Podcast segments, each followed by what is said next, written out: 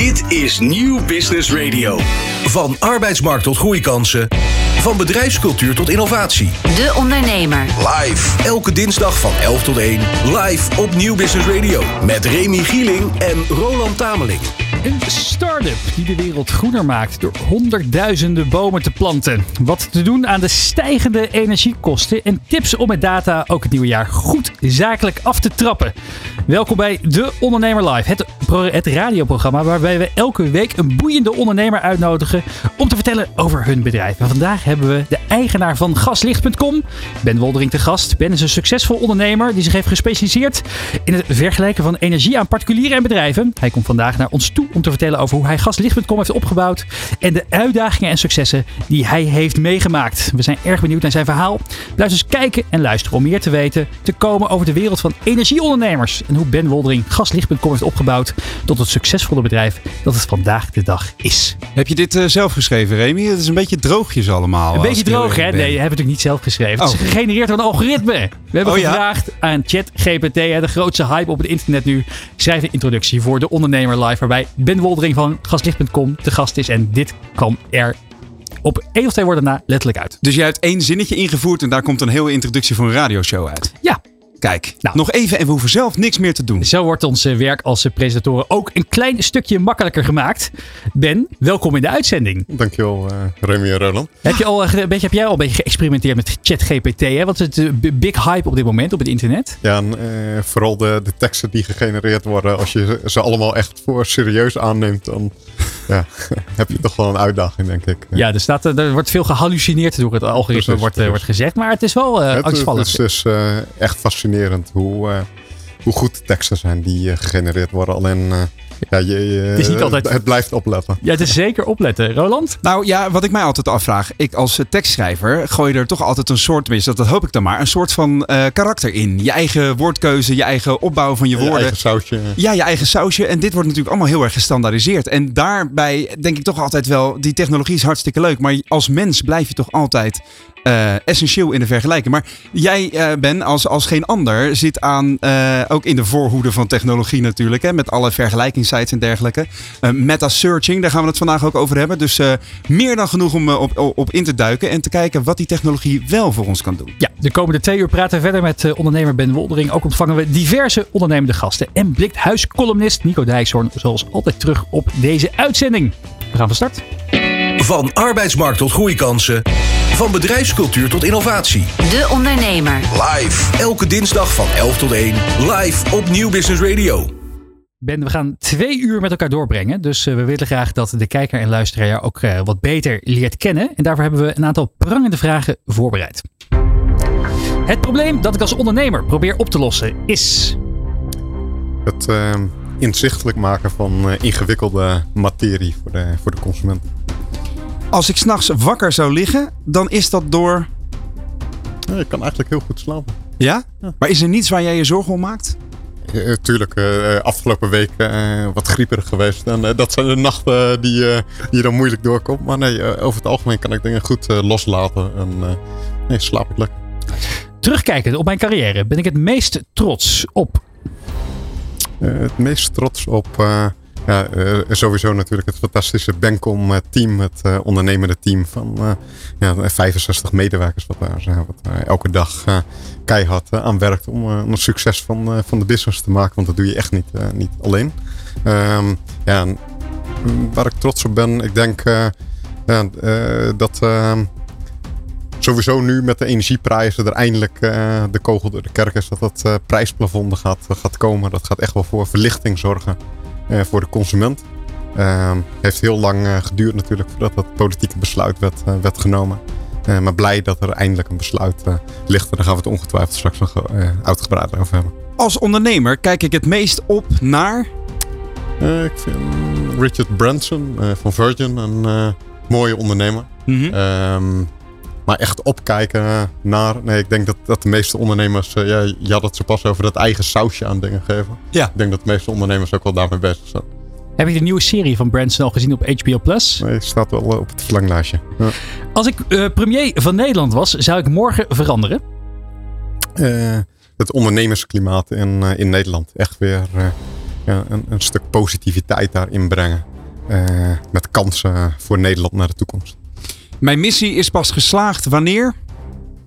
Mijn missie is geslaagd eh, eh, wanneer ja, we een, een inclusieve samenleving eh, hebben waarin iedereen mee kan doen in het, in het land. Ehm, ja, en daar, daar werken we met, met Benkom, met onze vergelijkingssites, elke dag keihard. Nou, Heel goed. Over deze onderwerpen praten we zo meteen verder. Maar eerst het laatste ondernemersnieuws. Dit is De Ondernemer live met Remy Gieling en Roland Tameling. Het ondernemersnieuws van dinsdag 13 december 2022. De roemruchte ondernemer Sam Bankman-Fried van eh crypto-handelsplatform FTX is opgepakt in zijn woonplaats op de Bahama's. Dit naar aanleiding van de vermeende fraude bij zijn miljarden-imperium. FTX stond bekend als een van de grootste cryptobeurzen voordat het bedrijf in november plotseling over de kop ging.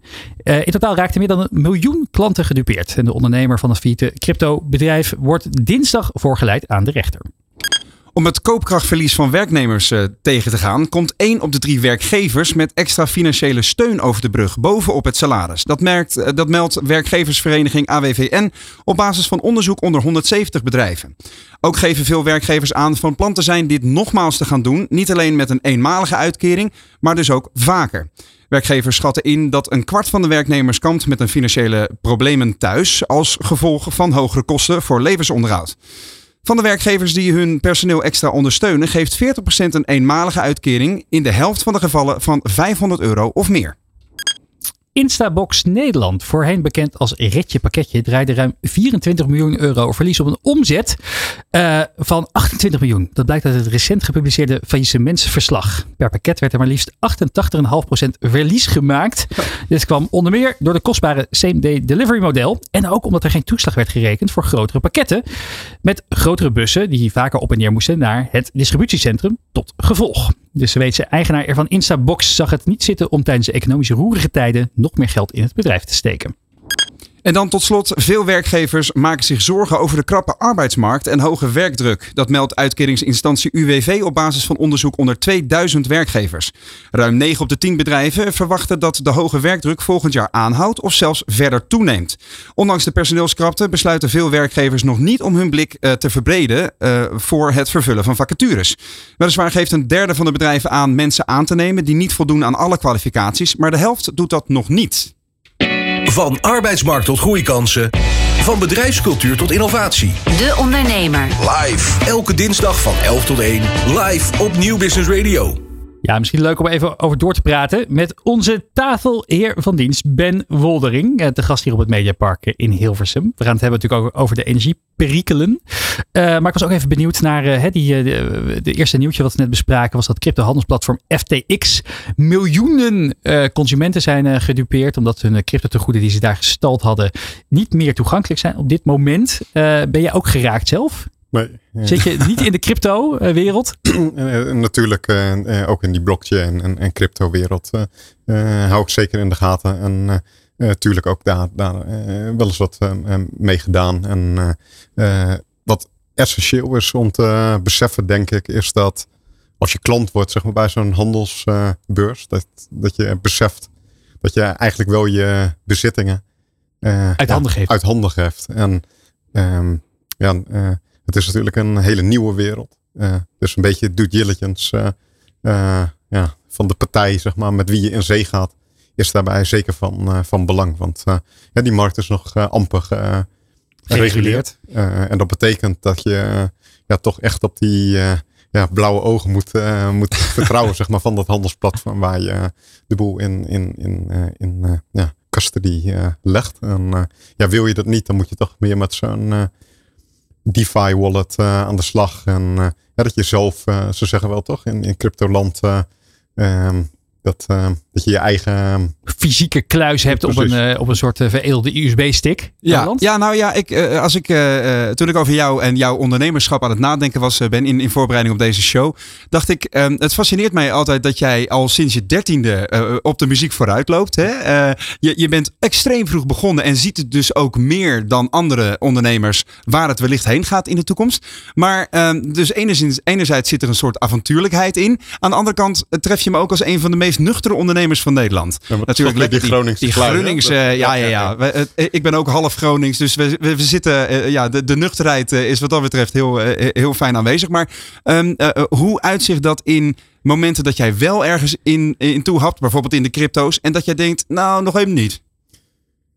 Eh, sowieso met nieuwe ontwikkelingen eh, vind ik het altijd spannend om daar eh, ja, het fijne van af te weten en eh, mee te experimenteren. En Ja. Dat experimenteren, dat is met name van belang om gevoel erbij te krijgen. En ehm, ja, dat, eh, of dat eh, de- nu de ontwikkeling is met, met de chat AI of met het blockchain gebeuren. Zodra je er echt begint mee te, te, te spelen, zeg maar, Ja. dan, dan ervaar je het en dan voel je het. En, ehm, dus ik denk dat dat, dat heel belangrijk is. En ja, het moment om er dan met het bedrijf zeg maar, vol in te gaan.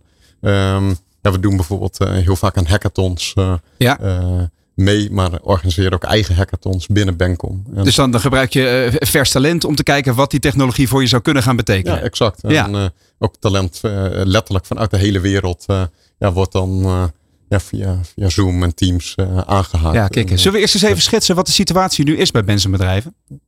Perfect. Ja? Ja. Zal ik dat gewoon eens eventjes Doe bij dat. jou neerleggen? Want, eh, want eh, eh, we hebben afgesproken dat we niet de zoveelste keer jou, jou het, de ontstaansgeschiedenis van de ondernemer Ben Woldering gaan, eh, gaan vertellen. Want dat is al zo vaak eh, eh, eh, behandeld. Laten we eerst even inzoomen op de huidige situatie. Hoeveel mensen, je zei net 65 mensen heb je lopen. Ehm, en eh, dat laatste nieuwtje dat we net bespraken over vacatures en personeelsproblemen. In hoeverre speelt dat bij jullie? En eh, ook, ook wij zoeken developers, eh, mensen op het gebied van eh, eh, data, eh, data-analyse. Ja.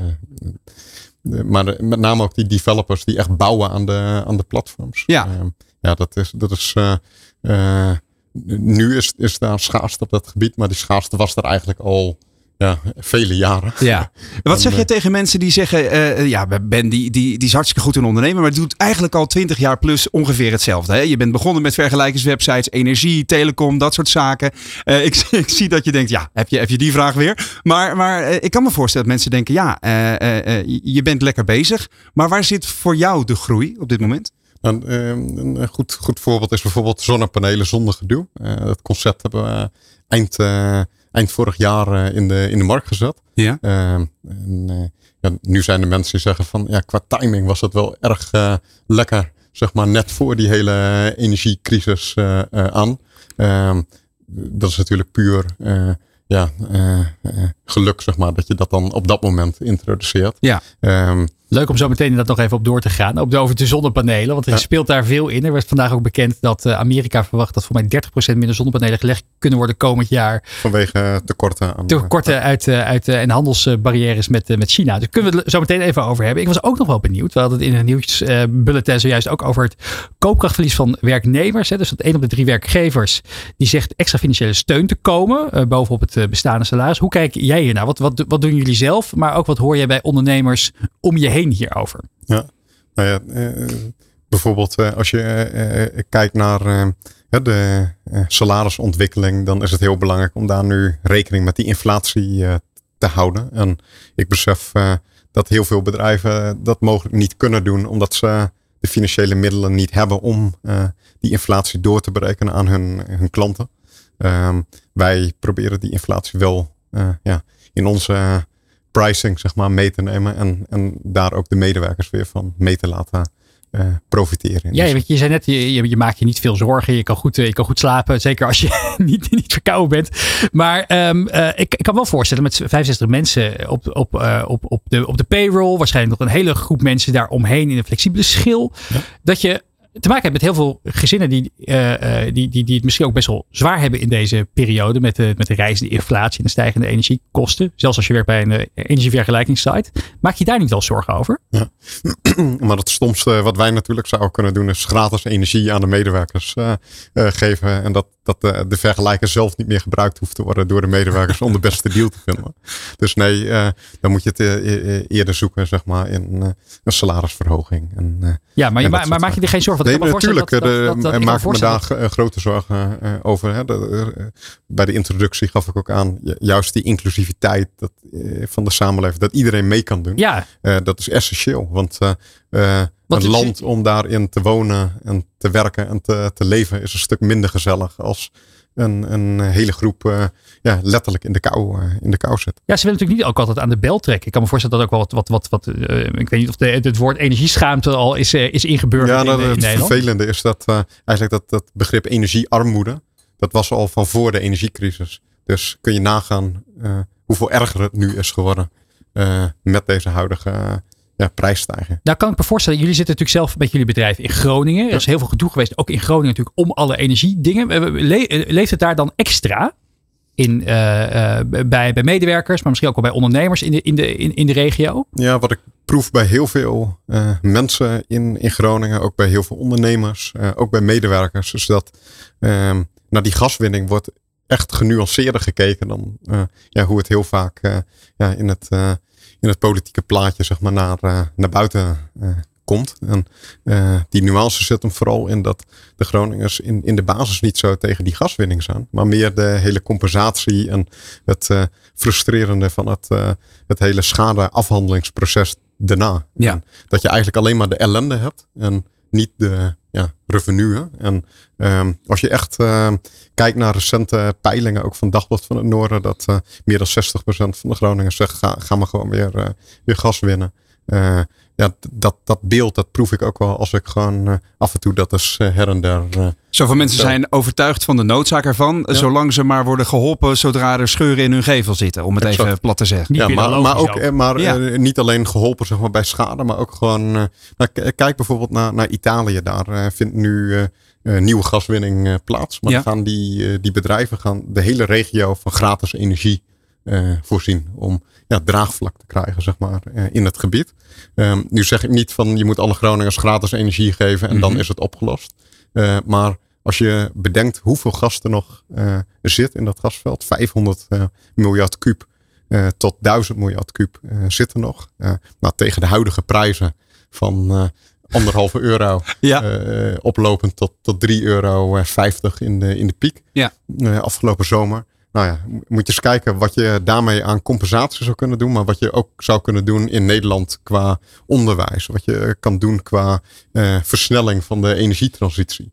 Eh, wat je kan doen eh, op het gebied van eh, nog betere zorg eh, naar de toekomst. Ja. Dus ehm, ja, die discussie die eh, mag denk ik best meer gevoerd worden. Nou, daar kunnen we straks ook nog wel even uitgebreid over hebben. Want ik kan me voorstellen dat juist nu de maatschappelijke relevantie van jullie bedrijf, hè, van Bencom, de Bencom groep met, met sites als poliswijzer.nl, bellen.com, gaslicht.com, lookingforbooking.com, allemaal eh, initiatieven die eh, de koopkracht van mensen eigenlijk ondersteunen. Dus veel relevanter dan nu zal je misschien niet worden. Dat is nog wel een, een goede om straks op door te gaan. Daar gaan we zo meteen over doorpraten met Ben Woldering. Maar eerst gaan we naar de start-up van de week.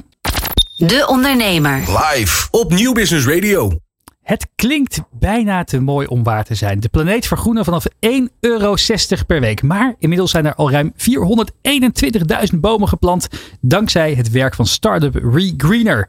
Ze noemen het zelf de beste manier om klimaatverandering tegen te gaan. En hoe dat zit, bespreken we met medeoprichter Job van Hooijdonk in de studio. Job, goedemorgen. Ja, dankjewel. Hoe ehm, eh, eh, is dit ontstaan? Ik las in de Leidse studentenbanken.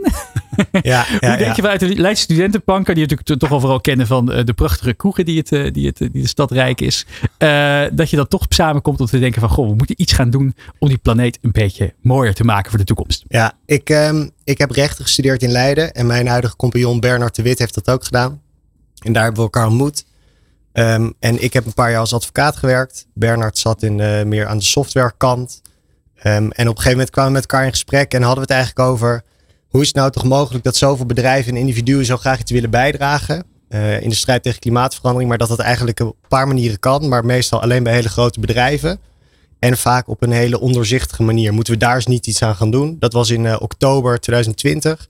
En daar is eigenlijk het balletje een beetje gaan rollen met in het begin een heel vaag idee. eh, en iets waar uiteindelijk ReGreener uit is Nou, ontvaag dat idee is. Wat is Gre- ReGreener? Nou, eh, en een halve tongbreker voor mij dan. ja.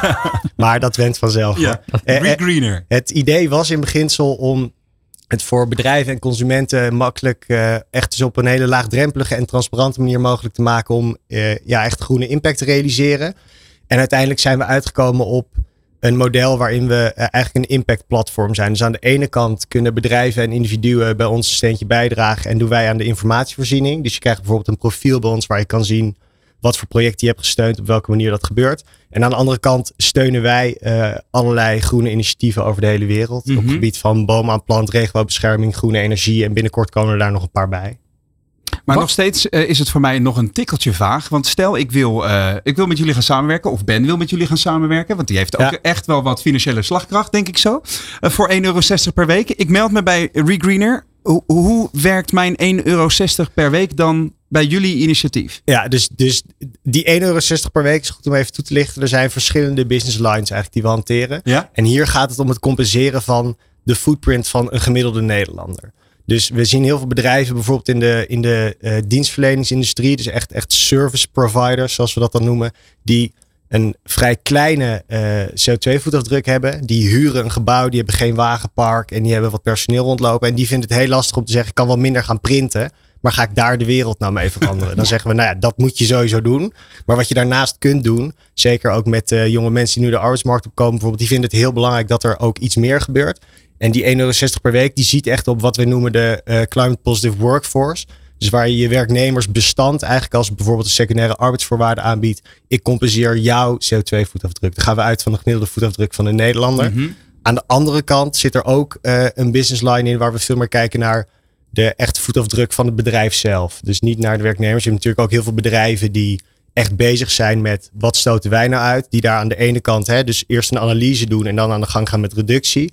Maar als je dat eenmaal hebt gedaan, blijft er nou eenmaal altijd een CO2-voetafdruk over. En die compensatie regelen we ook. Heb je het eh? Mediapark al als eh, klant? Het is hier eh, lekker warm. Eh. Nee, nee, he- heb ik nog niet. Maar nu ik hier toch ben, zou ik sowieso even wat kopjes koffie gaan drinken. Ik zie op jullie site van, eh, van regreener.eu zie ik een aantal, abonnementen staan. Vanaf eh 6,60 per maand, maar ook eh, 13,20, 26,40. Daar staat dan bij dat je een aantal eh, bomen worden er dan voor jou geplant iedere maand. En je beschermt een x aantal hectometer aan regenwoud. Hoe gaat dat in de praktijk in zijn werk? Je, je, je, sluit zo'n abonnement af. Waar worden die bomen geplant en door wie? Ja, dat is een hele goede vraag. We hebben ehm, eigenlijk een, een lijst aangelegd met partners waar wij mee samenwerken. Het initiële plan was dat we zelf bomen gingen planten. Maar als je uiteindelijk echt gaat om zoveel mogelijk impact te realiseren, denken we dat het veel beter en efficiënter is om je aan te sluiten bij partijen die zich daar echt op focussen. Nou, wij als twee juristen die met dit plan begonnen, hebben ook niet echt biologische kennis en de financiële slagkracht hadden op dat moment ook helemaal niet om dat zelf op te zetten. Dus we hebben partnerships met grote boomplantorganisaties bijvoorbeeld. Ehm, het werkt in beginsel zo dat je, eh, als jij bijvoorbeeld één footprint bij ons compenseert, dan gaat het op basis van een abonnementsmodel. Jij krijgt een profiel. We planten x bomen voor je per maand. Die kunnen geplant worden in Kenia, Mozambique, Ethiopië. En dat kan op heel verschillende plekken. Ik zou ze eerder op het Mediapark eh, planten als ik zo om me heen kijk. Maar goed, Ja, daar kan ook nog wel wat winst worden gehaald. Ja, maar, maar da- dat is wel ook, ehm, dat is iets wat wij vaak horen. Maar waar ik wel ook altijd van denk, klimaatverandering is een globaal, globaal probleem. Laten we zoeken naar een globale oplossing. Ja. En de grond hier is vrij duur. Ja, ik heb dus wel eens gehoord, en misschien is dat een eh, broodje aap verhaal, maar dat kan jij me dan nu vertellen, Job. Van, ehm, dat, dat, dat eh, er wel eens initiatieven zijn geweest van bedrijven die dan zeggen van, nou ja, we gaan zoveel bomen aanleggen. Dat er geen plek was voor die bomen. Dat ze dus maar even een stukje bos hebben gekapt om weer nieuwe bomen te gaan, neer, eh, te gaan neerzetten. Ja, ik heb die verhalen ook wel eens gehoord. Ik heb het nooit ergens bevestigd gezien. Ehm, eh, ik weet niet of dat soort dingen ooit gebeurd zijn. Ik zou dat heel achterlijk vinden. Er is namelijk heel veel plek op de wereld. Bijvoorbeeld hele grote stukken land die eh, wat ze noemen degraded land zijn. Waar hele intensieve eh, akkerbouw is geweest. Eigenlijk uitgeputte land, eh, Ja. Mhm. landbouwgronden. Ja, en daar heb je vaak een bovenlaag van bijvoorbeeld een meter waar je niet zoveel meer mee kan.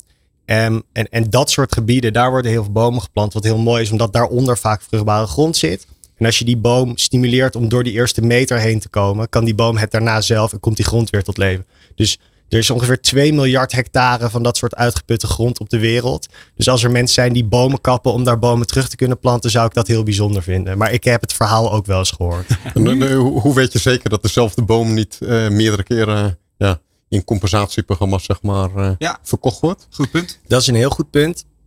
Daar heb je twee manieren voor. Of je werkt met gecertificeerde projecten. Ehm, dan worden er carbon credits uitgegeven, dus CO2-certificaten. En dat wordt allemaal in openbare registers bijgehouden, waardoor je zeker weet dat die CO2 nooit dubbel geclaimd kan worden. En aan de andere kant heb je niet gecertificeerde projecten waar wij ook veel in planten, omdat dat eh, veel voordeliger is.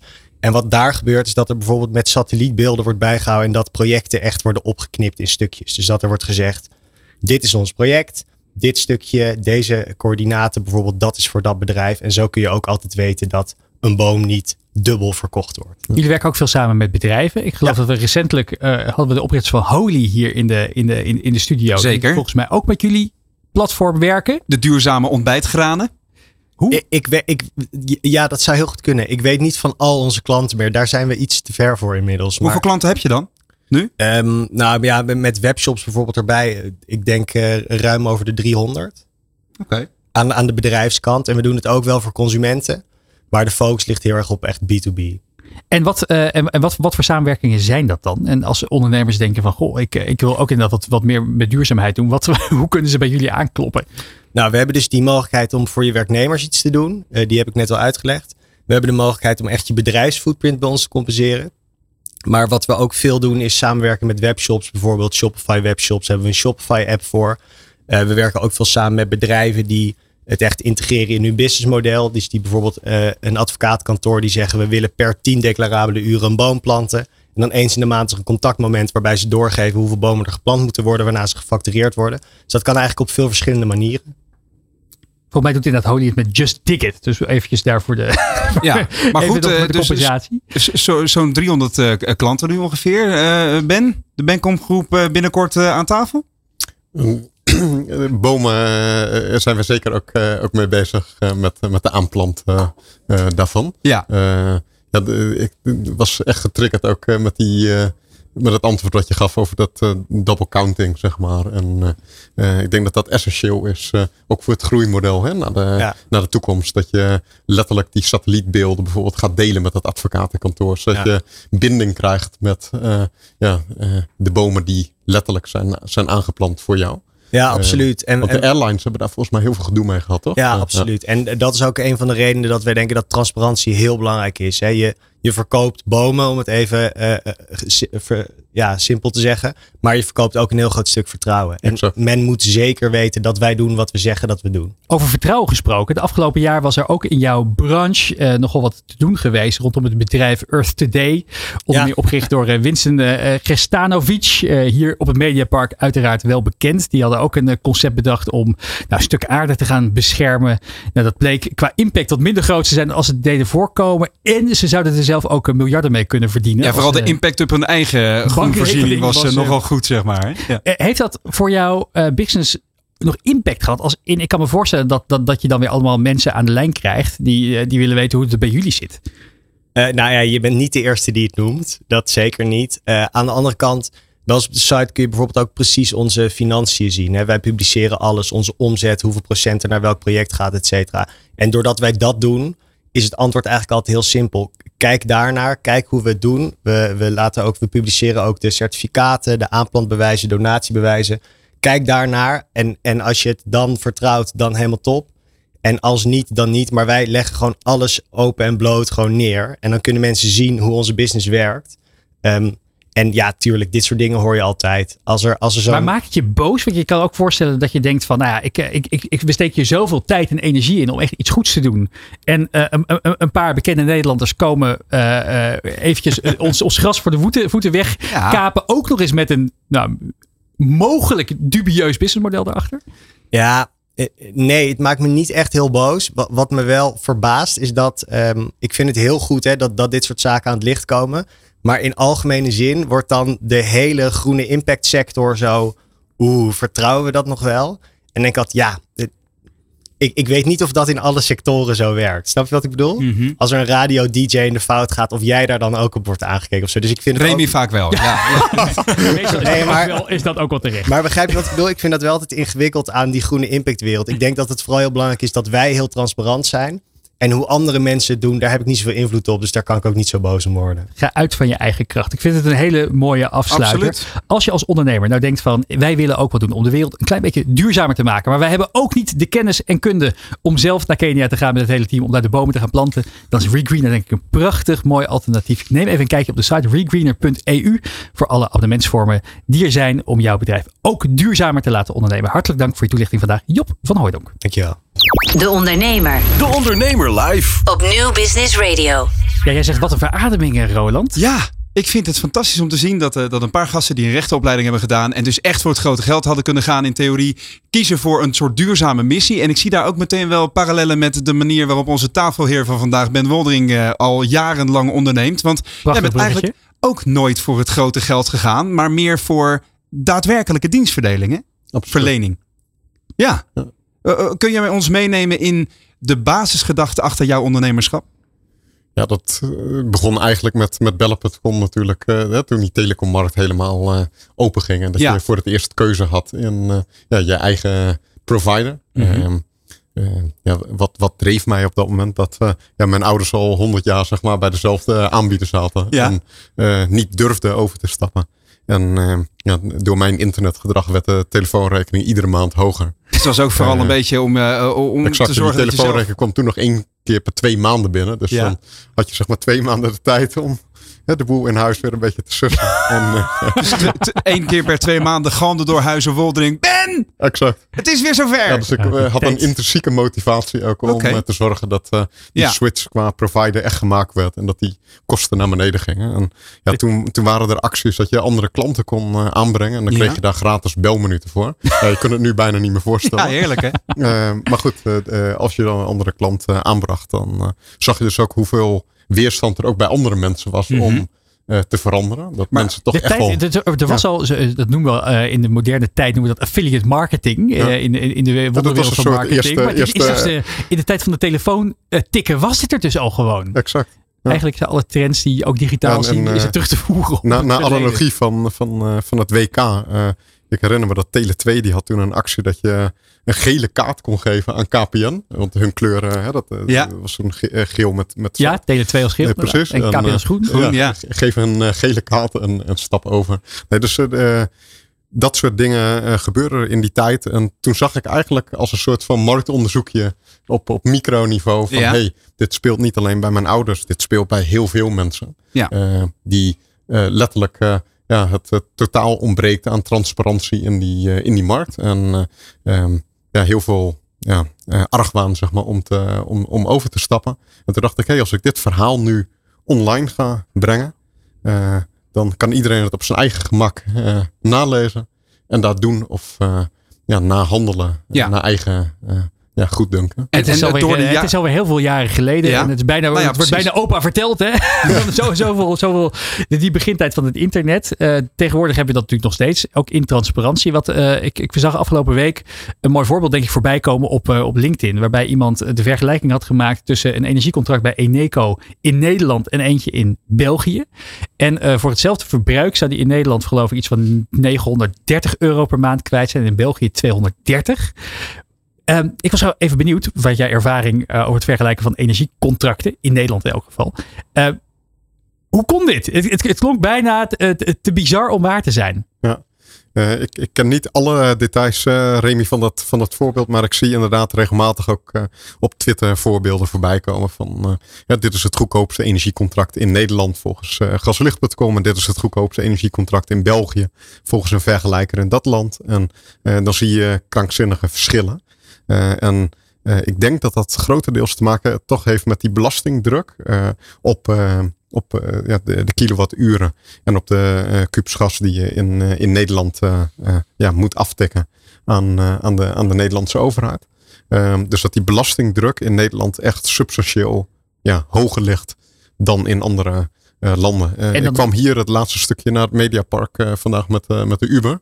Want er waren een paar treinen uitgevallen. Mhm. Ehm, en ja, toen verbaasde ik mij ook zeg maar, over de Uberprijs in Nederland versus de Uberprijs in ja, Lissabon. En, een paar weken geleden was ik in, in Lissabon op een, op een congres en daar ook met de Uber ja, aan het reizen geweest. En eh, dan zat je een half uur in de Uber voor. Voor een eh, tientje of zo. Ja, een tientje. En, absurde nou, bedragen. eh, ik voelde me bijna bezwaard. Dus ik gaf die chauffeur nog, eh, nog een mooie tip eh, zeg maar bij het uitstappen. Maar dat je echt denkt, joh, dit kan niet. Met deze benzineprijzen kun jij niet een half uur nu rondrijden.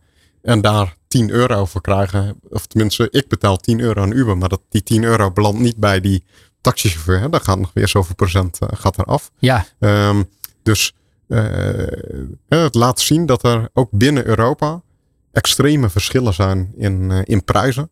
En op die energiemarkt zien we dat dus ook. eh ook dat niet, eh, hè, bij al jouw ervaring in de jarenlange eh, vergelijkingsmarkten, zou je niet een keer een pan-Europese vergelijker willen Mhm. maken? Ja, of de tarieven, de belastingtarieven in Europa gaan vergelijken. Eh, Ja, hè, dat, eh, want we hebben het de hele tijd over die Europese eenwording. Maar het maakt dan ook wel uit vanuit welk land eh, ja, eh, de gefactureerd wordt. Want de heel veel facturen van de grote techbedrijven die, waar wij zaken mee doen, die, die komen ook vaak uit Ierland. Ja. Eh, nou, dat, dat weet je dat het niet eh, is omdat alle techtalent eh, in, in Ierland woont, zeg maar. Eh, Iedereen zou graag in Dublin wil zitten, best leuke stad, precies, maar dus- dat heeft dat ook andere redenen. ja, exact. En, ehm, Maar zou je dat dan niet, niet, niet, niet willen doen als een soort van hobbyproject? Ben, ben in het weekend gaat eventjes een, een Euro- pan-Europese belastingvergelijker in elkaar hacken. ja, nou, ja, misschien een leuk idee voor zo'n eh, voor zo'n hackathon. Weer zo'n hackathon. Weer zo'n ja. hackathon. exact. Ja, mag ik nog even terug naar mijn vorige vraag? Want, want we, hebben, we hebben het even gehad over de, de, de opzet en, en de basisgedachte achter jouw ondernemerschap. Maar ik kan me ook voorstellen dat in die ruim 20 jaar er meer dan regelmatig kansen waren geweest om wel voor het grote geld te, zijn, eh, te gaan. Om, om hem te, te, eh, je, initiatieven te verkopen aan grotere partijen. En dat heb je allemaal niet gedaan. En ja, er zijn initiatieven bijgekomen. Het begon met, eh, met Telecom. toen Ja, heel veel initiatieven. ja, precies. Gas ligt erbij en eh, zorgpolissen, dat soort zaken, autopolissen enzovoorts. Ehm, wat is de reden, even ja, plat gezegd, dat het relatief klein is gebleven? In de zin van dat jij toch niet eh, voor de enorme schaalvergroting bent gegaan. Ja. En, eh, Voor de Uber van de vergelijkingsmarkt. Nou, eh, sowieso willen wij natuurlijk dat je naar de Bancom vergelijkers gaat in, in Nederland. Omdat we de beste vergelijkers hebben. En Duitsland staat buiten en in kijf. Duitsland precies. Dus dat, dat vooropgesteld. Maar eh, kijk, de impact die wij maken, dat zit hem niet in. Eh, dus ik zei al, hè, we hebben een heel ondernemend team van 65 medewerkers. Eh, daaromheen werken we met allemaal bedrijven samen. Maar de echte impact die je maakt, dat is natuurlijk het eh, miljoenen publiek wat je bereikt zeg maar, met, met de vergelijkers. En in Nederland ja, be- bereiken we 6, 7 miljoen ehm, en, bezoekers op jaarbasis Mhm. die, die we helpen zeg maar, met eh, eh, een betere energieleverancier of een Ja. groenere energieleverancier of op het gebied van telecom. Eh, je noemde het al, de, de zorgpolissen, autoverzekeringen, et cetera. Ja. Dat doen we ook in Duitsland met eh Wechseljet.de. Ehm, maar elk land kent ook zijn, zijn eh, ja, eigen, eigenaardigheden. Dus het, het is niet een kwestie van eventjes in, in elk land. We eh, halen de site ja. de Google Translate Eh, nee, heen. eh, en, want hier, hier in Nederland bijvoorbeeld heb je, heb je een, een, een, een, nou, een tiental eh, energieaanbieders. En in Duitsland heb je er meer dan duizend, begreep ik. Om, om maar eens even het verschil in markten aan te geven. Ja. Dus het is inderdaad niet zo dat het, het opschalen, het internationaliseren van jullie initiatieven heel eenvoudig is. Nee, dus dat, eh, dat vergt gewoon heel veel eh, effort. En is dat dan eh, een van de redenen dat je, dat je daar nooit voor gegaan bent? Nou, eh, we doen dat dus. Ook het zonnepanelen zonder gedoe concept dat we dus op gaslicht.com hebben gelanceerd. Dat vraagt zeker ook naar meer en naar uitbreiding op de, op de Duitse markt. Ja. Ehm, maar wat je ehm, eh, eh, ziet is dat heel veel internetbedrijven ook eh, nou ja, in, in de vorige dotcom-bubbel die uit elkaar barsten. Ja. ehm, die hadden de mooiste kantoorlocaties op AAA-locaties. Het liefste in de hoofdsteden van alle Europese landen. Zichtbaarheid was alles. Zichtbaarheid was alles. Terwijl voor, voor Benkom is die zichtbaarheid online veel belangrijker. En gaat het niet om dat eh, ja, eh, naar de buitenwereld laten zien. Kijk wat een mooi kantoorpand. En eh, wat een leaseauto's staan hier voor de deur. En je zag dat die bedrijven ook bij bosjes omvielen. bij het uiteenbarsten van die, van die dotcom eh, bubbel. En feitelijk zie je nu weer een beetje hetzelfde gebeuren. Dat er de afgelopen jaren natuurlijk heel veel bedrijven heel goedkoop geld hebben opgehaald. Ja. Daarmee, hè, de- kijk, kijk naar alle bezorgdiensten. eh, die eh, nu in sommige landen ook echt zich weer terugtrekken. Omdat ze in de, in de problemen komen. Omdat het gratis geld erin is. We hoorden net al een retje pakketje. Wat, eh, wat, eh, hoe heet het tegenwoordig? Ik ben het even kwijt. Instabox. Instabox, dankjewel. Die, die leggen nu 88% toe op ieder pakketje zo'n beetje. Ja, nou, Dat- zie je even voor je. Een pakketje en Ja. 88% Ja. eh, wat er toegelegd Ja, dat lijkt me, lijkt me niet zo'n heel goede business, business case. Maar komt die, dat zo, ja, laten we het right sizing noemen. Dus, dus de, de pas op de plaats zodra het verstandig is. Het, het niet nodeloos doorgroeien. Komt dat uit de persoon Ben? Of komt dat uit ehm, de hele organisatie inmiddels? Ja, dat, dat ademt wel de hele organisatie Bencom. Eh, Ja. Dus aan de ene kant die innovatie. Eh, dus echt eh, ja, voorop lopen op dat gebied. En aan de andere kant ja, wel kijken naar die lange termijn winstgevendheid. Want die lange termijn winstgevendheid die zorgt ervoor dat je ja, ook volgend jaar mooie Precies. dingen kunt blijven, blijven doen. En dat zit hem in transparantie en consistentie. Die twee zaken. Eh, en vooral ook eh, goed na blijven denken over ja, welke initiatieven eh, duik je vol in. En bij welke initiatieven zeg je, nou eerst eens kijken.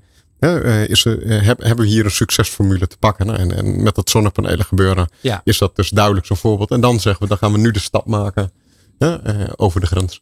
Zonnepanelen, maar ook de marketingkracht van Ben Woldering wanneer je 7 miljoen, ruim 7 miljoen consumenten per jaar weet te bereiken. Daar praten we straks over verder in De Ondernemer Live, maar eerst de Data Dinsdag.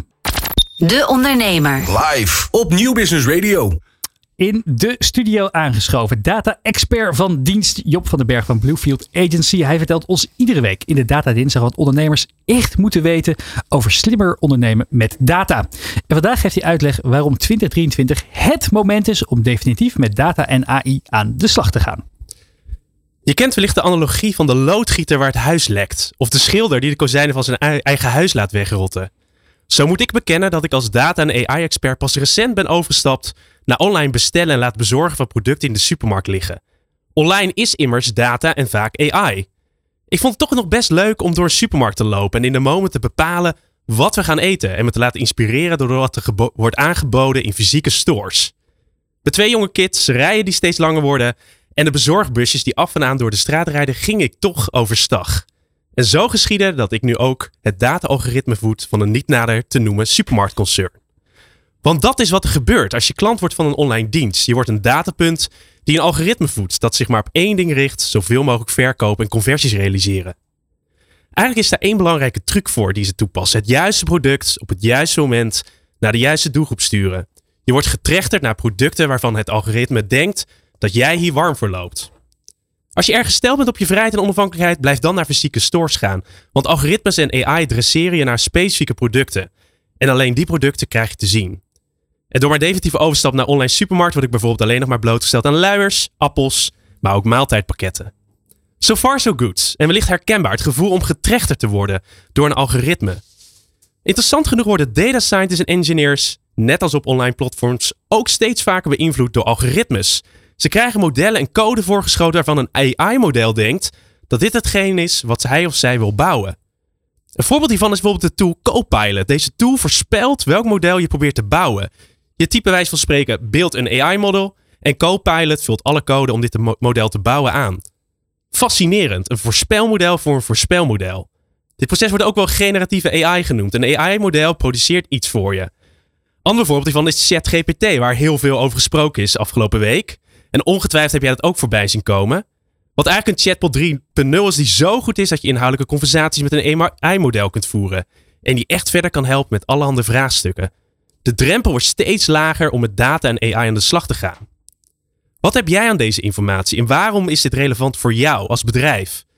Zoals het leven van de consument steeds makkelijker wordt gemaakt, zo wordt het leven van een dataspecialist ook steeds eenvoudiger en comfortabeler.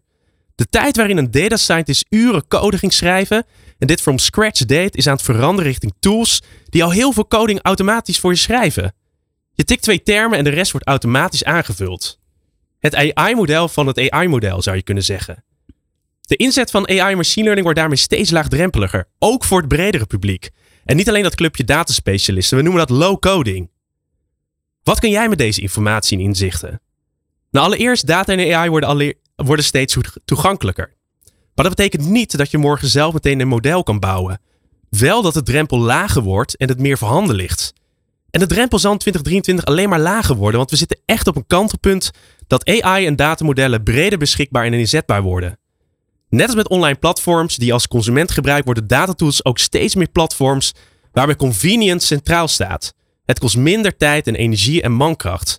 Dat biedt enorm veel mogelijkheden voor productizing en schaalbaarheid. Tot slot, in plaats van AI machine learning als vergezicht te zien voor jouw onderneming, is er op de korte termijn steeds meer mogelijk door deze tools en AI-hulpmiddelen. Schrijf je dataambities daarom niet vooruit, maar breng het naar voren. Steeds meer dataspecialisten zijn juist geschoold in het werken met standaard AI-tools. Dat wordt een nieuwe specialisatie. Doe daar je voordeel mee. Succes! Dankjewel, Job. Wat een mooi persoonlijk verhaal uh, heb je verteld. Welke supermarkt is geworden? Ik ben nu zo nieuwsgierig. Een supermarkt met een blauw logo. Laat ik het daarop houden. Aha, aha, dat dacht ik al. Ah, ja, ja. Nou ja, eh, laten we straks gaan picknicken. Um, ik heb, heb je dit zelf geschreven?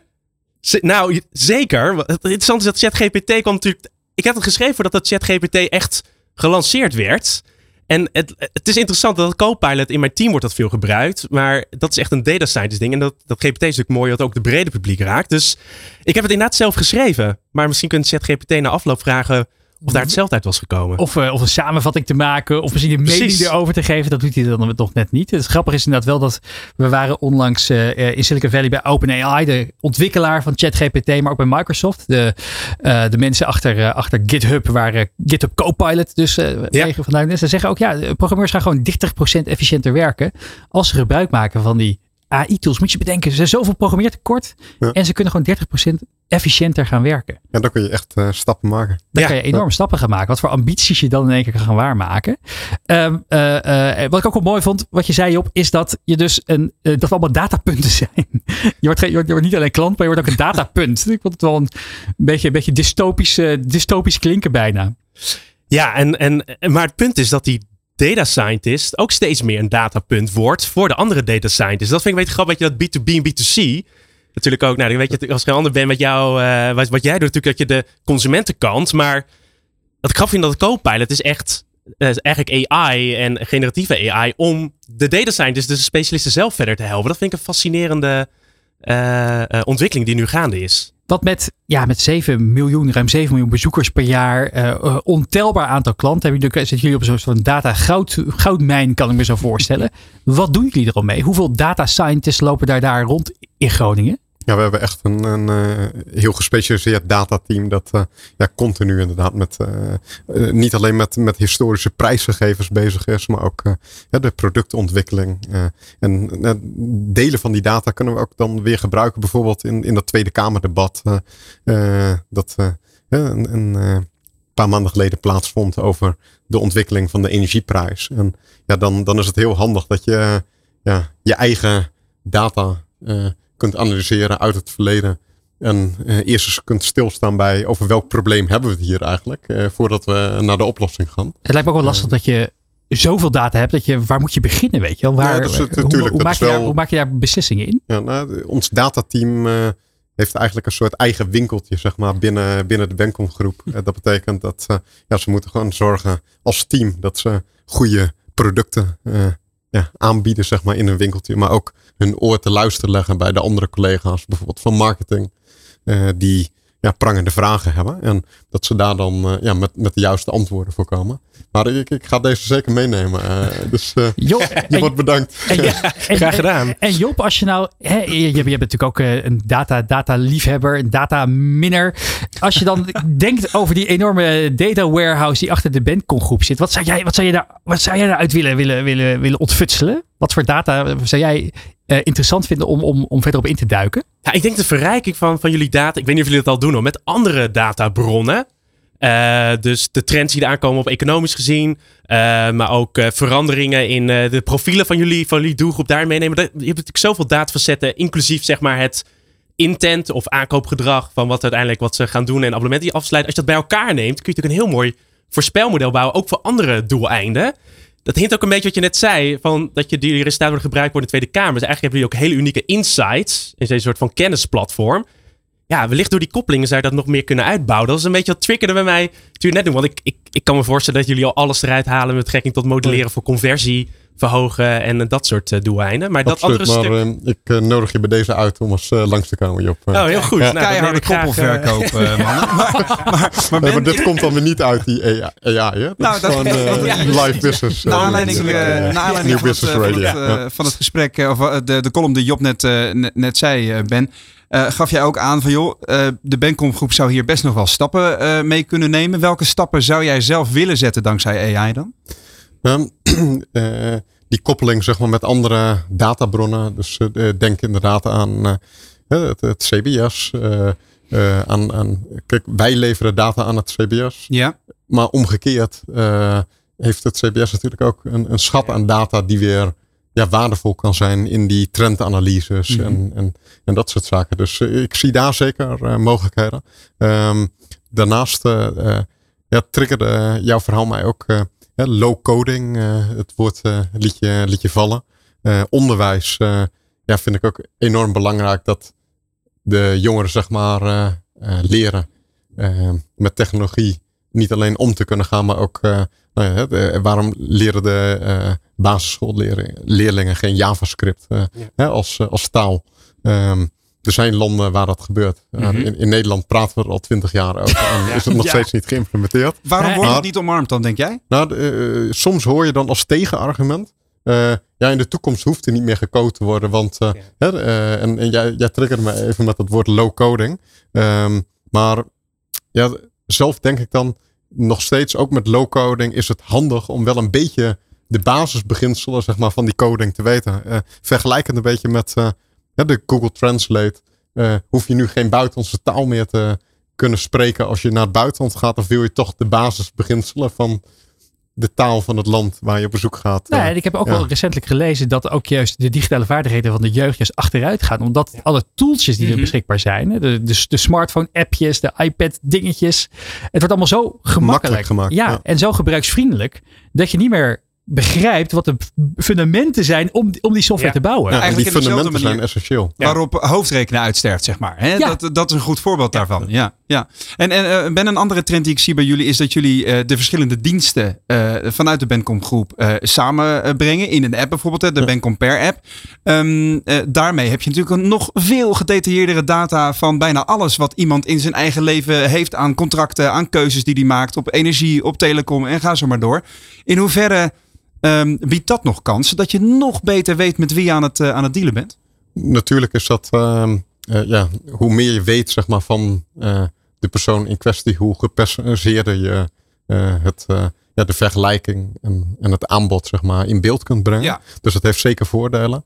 Maar we zien op dit moment nog geen energieaanbieders en zorgverzekeraars die samen een soort bundel in, de, in de markt zetten. Dus op dit moment vindt dat nog wel echt ja, plaats op, op specifieke ja, eh, eh, categorieën. Ja. Eh, maar je hebt helemaal gelijk, die Bancompare app, daar komt alles in, in samen. En je zou daar in de toekomst eh, ja, eh, hele slimme dingen mee. Ja, want je kunt als het ware proactiever naar de mensen toe. ja, hè? nee, Van- dat gebeurt. Dat Ja. gebeurt. Dus nu bijvoorbeeld, hè, de- deze laatste weken van het jaar staan in het teken van eh, eh, de zorgpremies die dan bekendgemaakt worden voor het volgende jaar. ja. Eh, nou, net als de energierekening ga- gaan, gaan ook die kosten van de zorgverzekering hard, hard omhoog. En ehm, nou, dan hebben we bijvoorbeeld eh, geanalyseerd dat, eh, hè, wat de gemiddelde stijging is van die, ehm, van die, van die premies. Ja. Maar ook eh, de bereidheid zeg maar, onder consumenten om nu in beweging te komen. En dan zie je dat er dit jaar een soort kanteling lijkt te zijn dat meer mensen bereid zijn om over te stappen. En dat merken we dus gewoon in, in de app, dat merken we op het platform. En ja, een, een marktpeiling, zeg maar, zeg maar, die je doet onder, onder het ja, publiek. Laatste vraag hierover, Ben. Je hebt ontzettend veel data ook over al jullie klanten en over jullie potentiële klanten die de sites eh, bezoeken. Ehm, maar als je zou kunnen doorfilosoferen, wat is data die je nu nog niet hebt, die je wel graag zou willen hebben om nog betere producten of diensten te kunnen bouwen? Ja, als je bijvoorbeeld kijkt eh, op het gebied van zonnepanelen, eh, willen wij het zo makkelijk mogelijk maken om die stap te zetten qua verduurzaming. En eh, een van de hamvragen dan is, kun je online eh, een omgeving bieden waarin je ja, eigenlijk je droom eh, qua zonnepanelen kan, kan samenstellen. En dat hebben we gerealiseerd met luchtfoto's en eh, ja, er hoeft dus niemand meer bij je aan de keukentafel thuis te komen en een hele offerte uit te werken. Dat vindt helemaal digitaal plaats. Ehm, maar daar zitten natuurlijk een paar aannames in. En die aannames die worden dan nog in een telefoongesprek, eh, we noemen dat desk research, wordt dat dan eh, nog, nog nabesproken met, met de consument. En ik denk dat met eh, AI en met nog meer databronnen die je zou kunnen aanspreken, de precisie zeg maar, van ja, jouw droomoplossing qua zonnepanelen op jouw dak nog verder verbeterd kan worden. Dus we zitten nu zeg maar op 90%. En ik zou hem heel graag naar 100% willen, willen trekken. Wie niet? Ik, Ja. zie, eh, ik zie Job eh, vanuit Bluefield Agency al denken van eh, hier eh, is een mooi project eh, voor, eh, voor mij in het eh, verschiet. Job, dankjewel voor jouw eh, bijdrage vandaag. Eh, volgende week alweer de laatste datacolumn van het jaar. Dus ik ben heel benieuwd hoe je die gaat afsluiten. Of we nog gaan eh, terugblikken, of we vooruit gaan blikken. En of die gegenereerd gaat worden door een algoritme. We gaan het volgende week horen in de Data Dinsdag. Zo dadelijk in de Ondernemer Live. Slimme tips om, er, eh, om om te gaan met je energieverbruik op de werkvloer. Een kitesurf-ondernemer die de wereld verovert is Leo de Haas. Je kent hem nog van Blik op de Weg de gast. En natuurlijk Nico Dijkshoorn. Mis dat niet. Tot zometeen. Van arbeidsmarkt tot groeikansen. Van bedrijfscultuur tot innovatie. De Ondernemer. Live. Elke dinsdag van 11 tot 1. Live op Nieuw Business Radio.